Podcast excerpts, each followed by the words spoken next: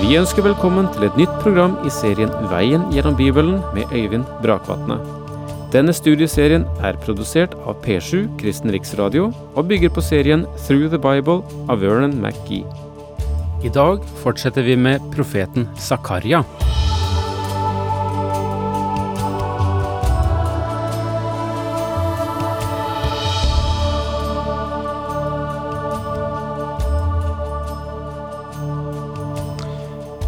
Profeten Zakaria får et oppdrag av Herren, nemlig å krone øverstepresten Josva, Jehosadaks sønn.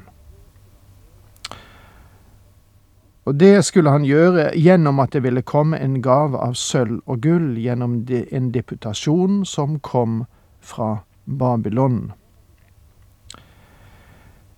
Nå må vi merke oss at i de profetiske budskap smelter både en nærliggende oppgave og et langsiktig perspektiv ofte sammen.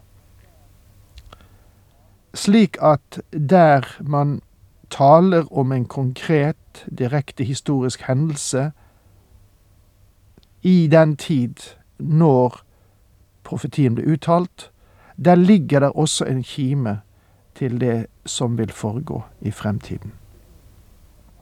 Og Derfor, når Zakaria hadde gjort det klart at denne kroningen skal finne sted, og gjør klart det for øverste presten, så sier han eh, underforstått at eh, Josva, bry deg ikke om at mange synes at det tempelet som nå fins, og er i ferd med å reises, er lite og ubetydelig.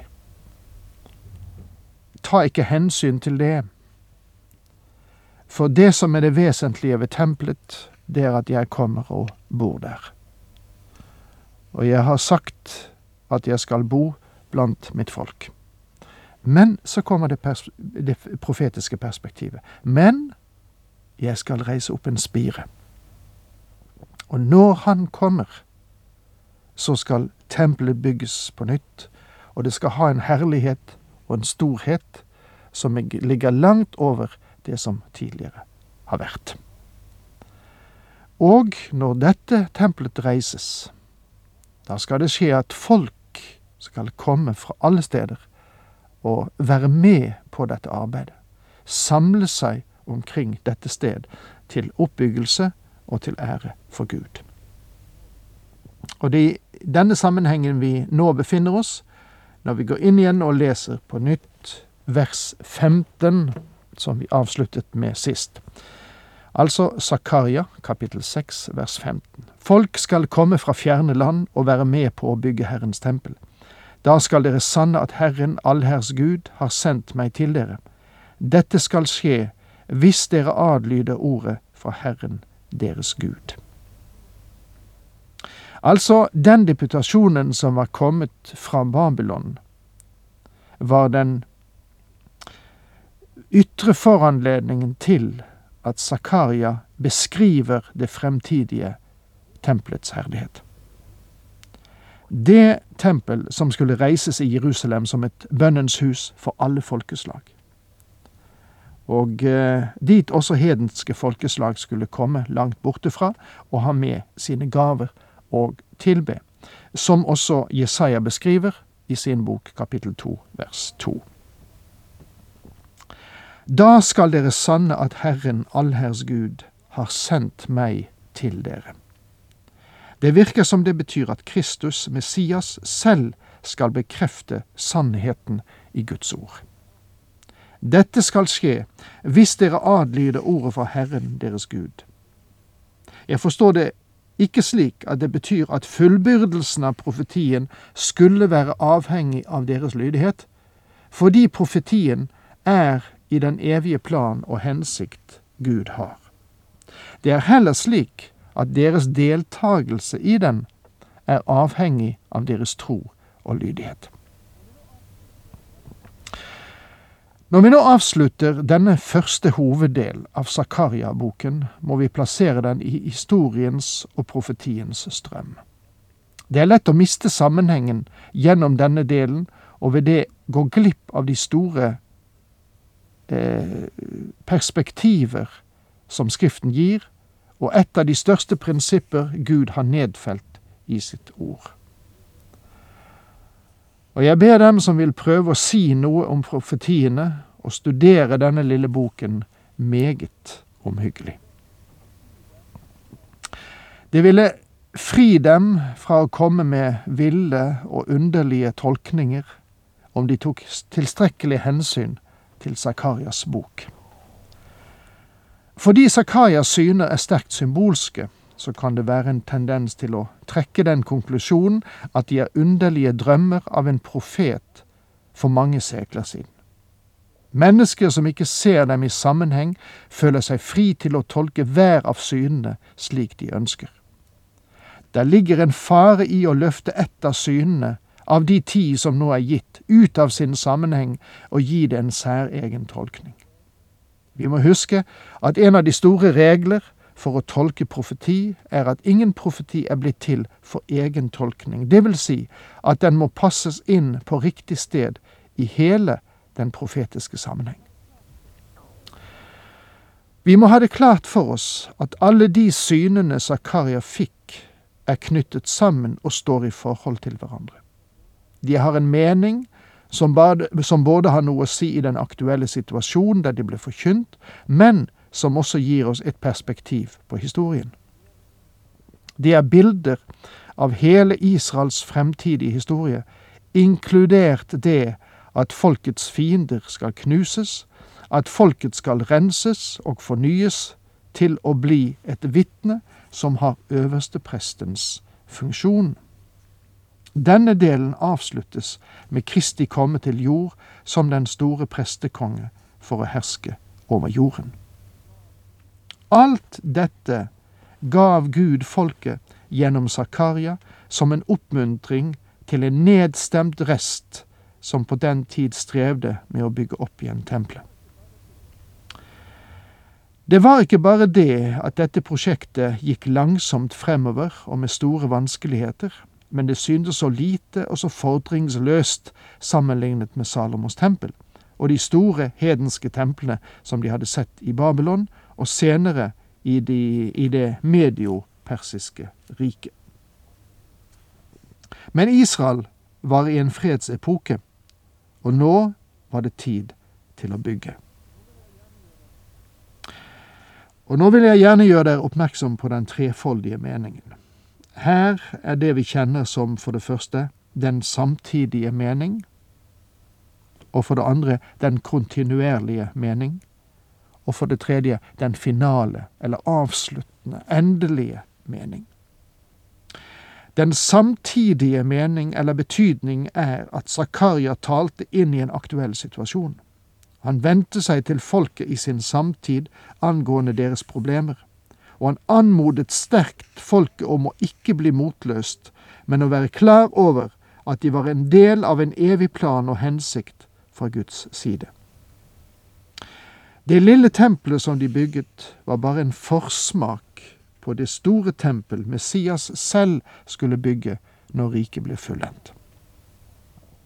Den kontinuerlige mening er et budskap for vår tid. Du skjønner at alle hellige skrifter inngitt av Gud, er også nyttige til å gi opplæring og tale til rette, som det står i Antimotius brev kapittel 3 vers 16. Alt dette er et budskap til oss, selv om det ikke ble skrevet til oss. For eksempel har Gud ikke bedt oss om å reise et tempel, men han vil understreke at historien ikke bare er bygget på tilfeldigheter, men har en sammenheng, og at Gud, Gud har en plan og en hensikt. Han beveger seg i historien i dag. De hendelsene vi opplever i vår samtid, burde sannelig lære oss hvor hurtig Gud kan løfte opp et folk, og hvor hurtig han kan bøye det. Om du lytter til nyhetsmediene, kan du sannelig bli motløs. I tillegg til det er det lett i vår medietid å bli hjernevasket. Det er enkelt å få en følelse av oppgitthet men midt gjennom alt dette forvirrende er det også en røst, Guds røst, som taler som han gjorde på Zakarias tid. Og det han har å si, er verken vilt eller nedslående. Gud forteller oss at hans hensikt skal overleve, og Herren beveger seg i historien for å fullbyrde sin plan. Det siste av den trefoldige meningen ligger i den finale hensikt, den avsluttende hensikt med alle ting. Historien strømmer gjennom profetienes kanal. Og la meg gjenta det som står i vers tolv. Så sier Herren allherrs Gud, se, det kommer en mann, hans navn er Spire. Under ham skal det spire og gro, han skal bygge Herrens tempel. Denne spire er ikke noen annen enn den Herre Jesus Kristus, et rotskudd av tørr jord som døde på et kors for oss. Men han kommer igjen for å herske. Den dagen skal Herrens spire være til pryd og ære, og landets frukt bli til stolthet og heder for dem som slapp unna i Israel, som det står i Jesaja 4, vers 2. Han skal være prest og på sin trone. Og det å vite dette burde hjelpe oss til å få et perspektiv på historien.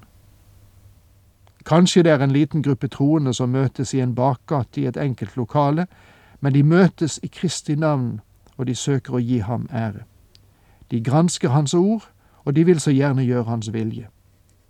Denne lille gruppen kan være temmelig ukjent for verden, men de er kanskje viktigere når det gjelder Guds plan og program, enn de som møtes ved de store forhandlingsbordene i verdens metropoler. Dette er vanskelig for mange mennesker å tro, fordi verden ikke ser tingene fra Guds synsvinkel. Du forstår at denne lille troende flokk skal en gang slutte seg til det mektige koret i himmelen som skal synge forlammet. Verdig er du til å ta imot boken og åpne seilene på den. For du ble slaktet og har med ditt blod frikjøpt for Gud mennesker av alle stammer og tungemål, av alle folk og nasjoner. Til et kongerike har du gjort dem, til prester for vår Gud, og de skal herske på jorden.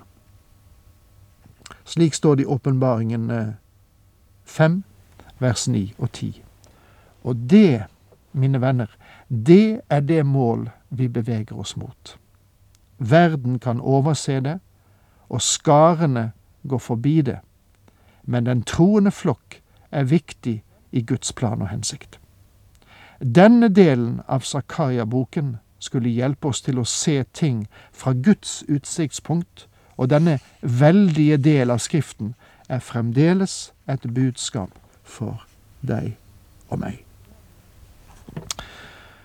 Og dermed så er faktisk eh, både dette kapittel seks og tiden ute for i dag.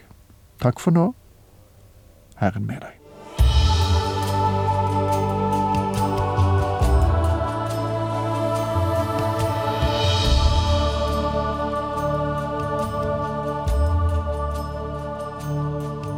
Du hørte Øyvind Brakvatne i studieserien Veien gjennom Bibelen.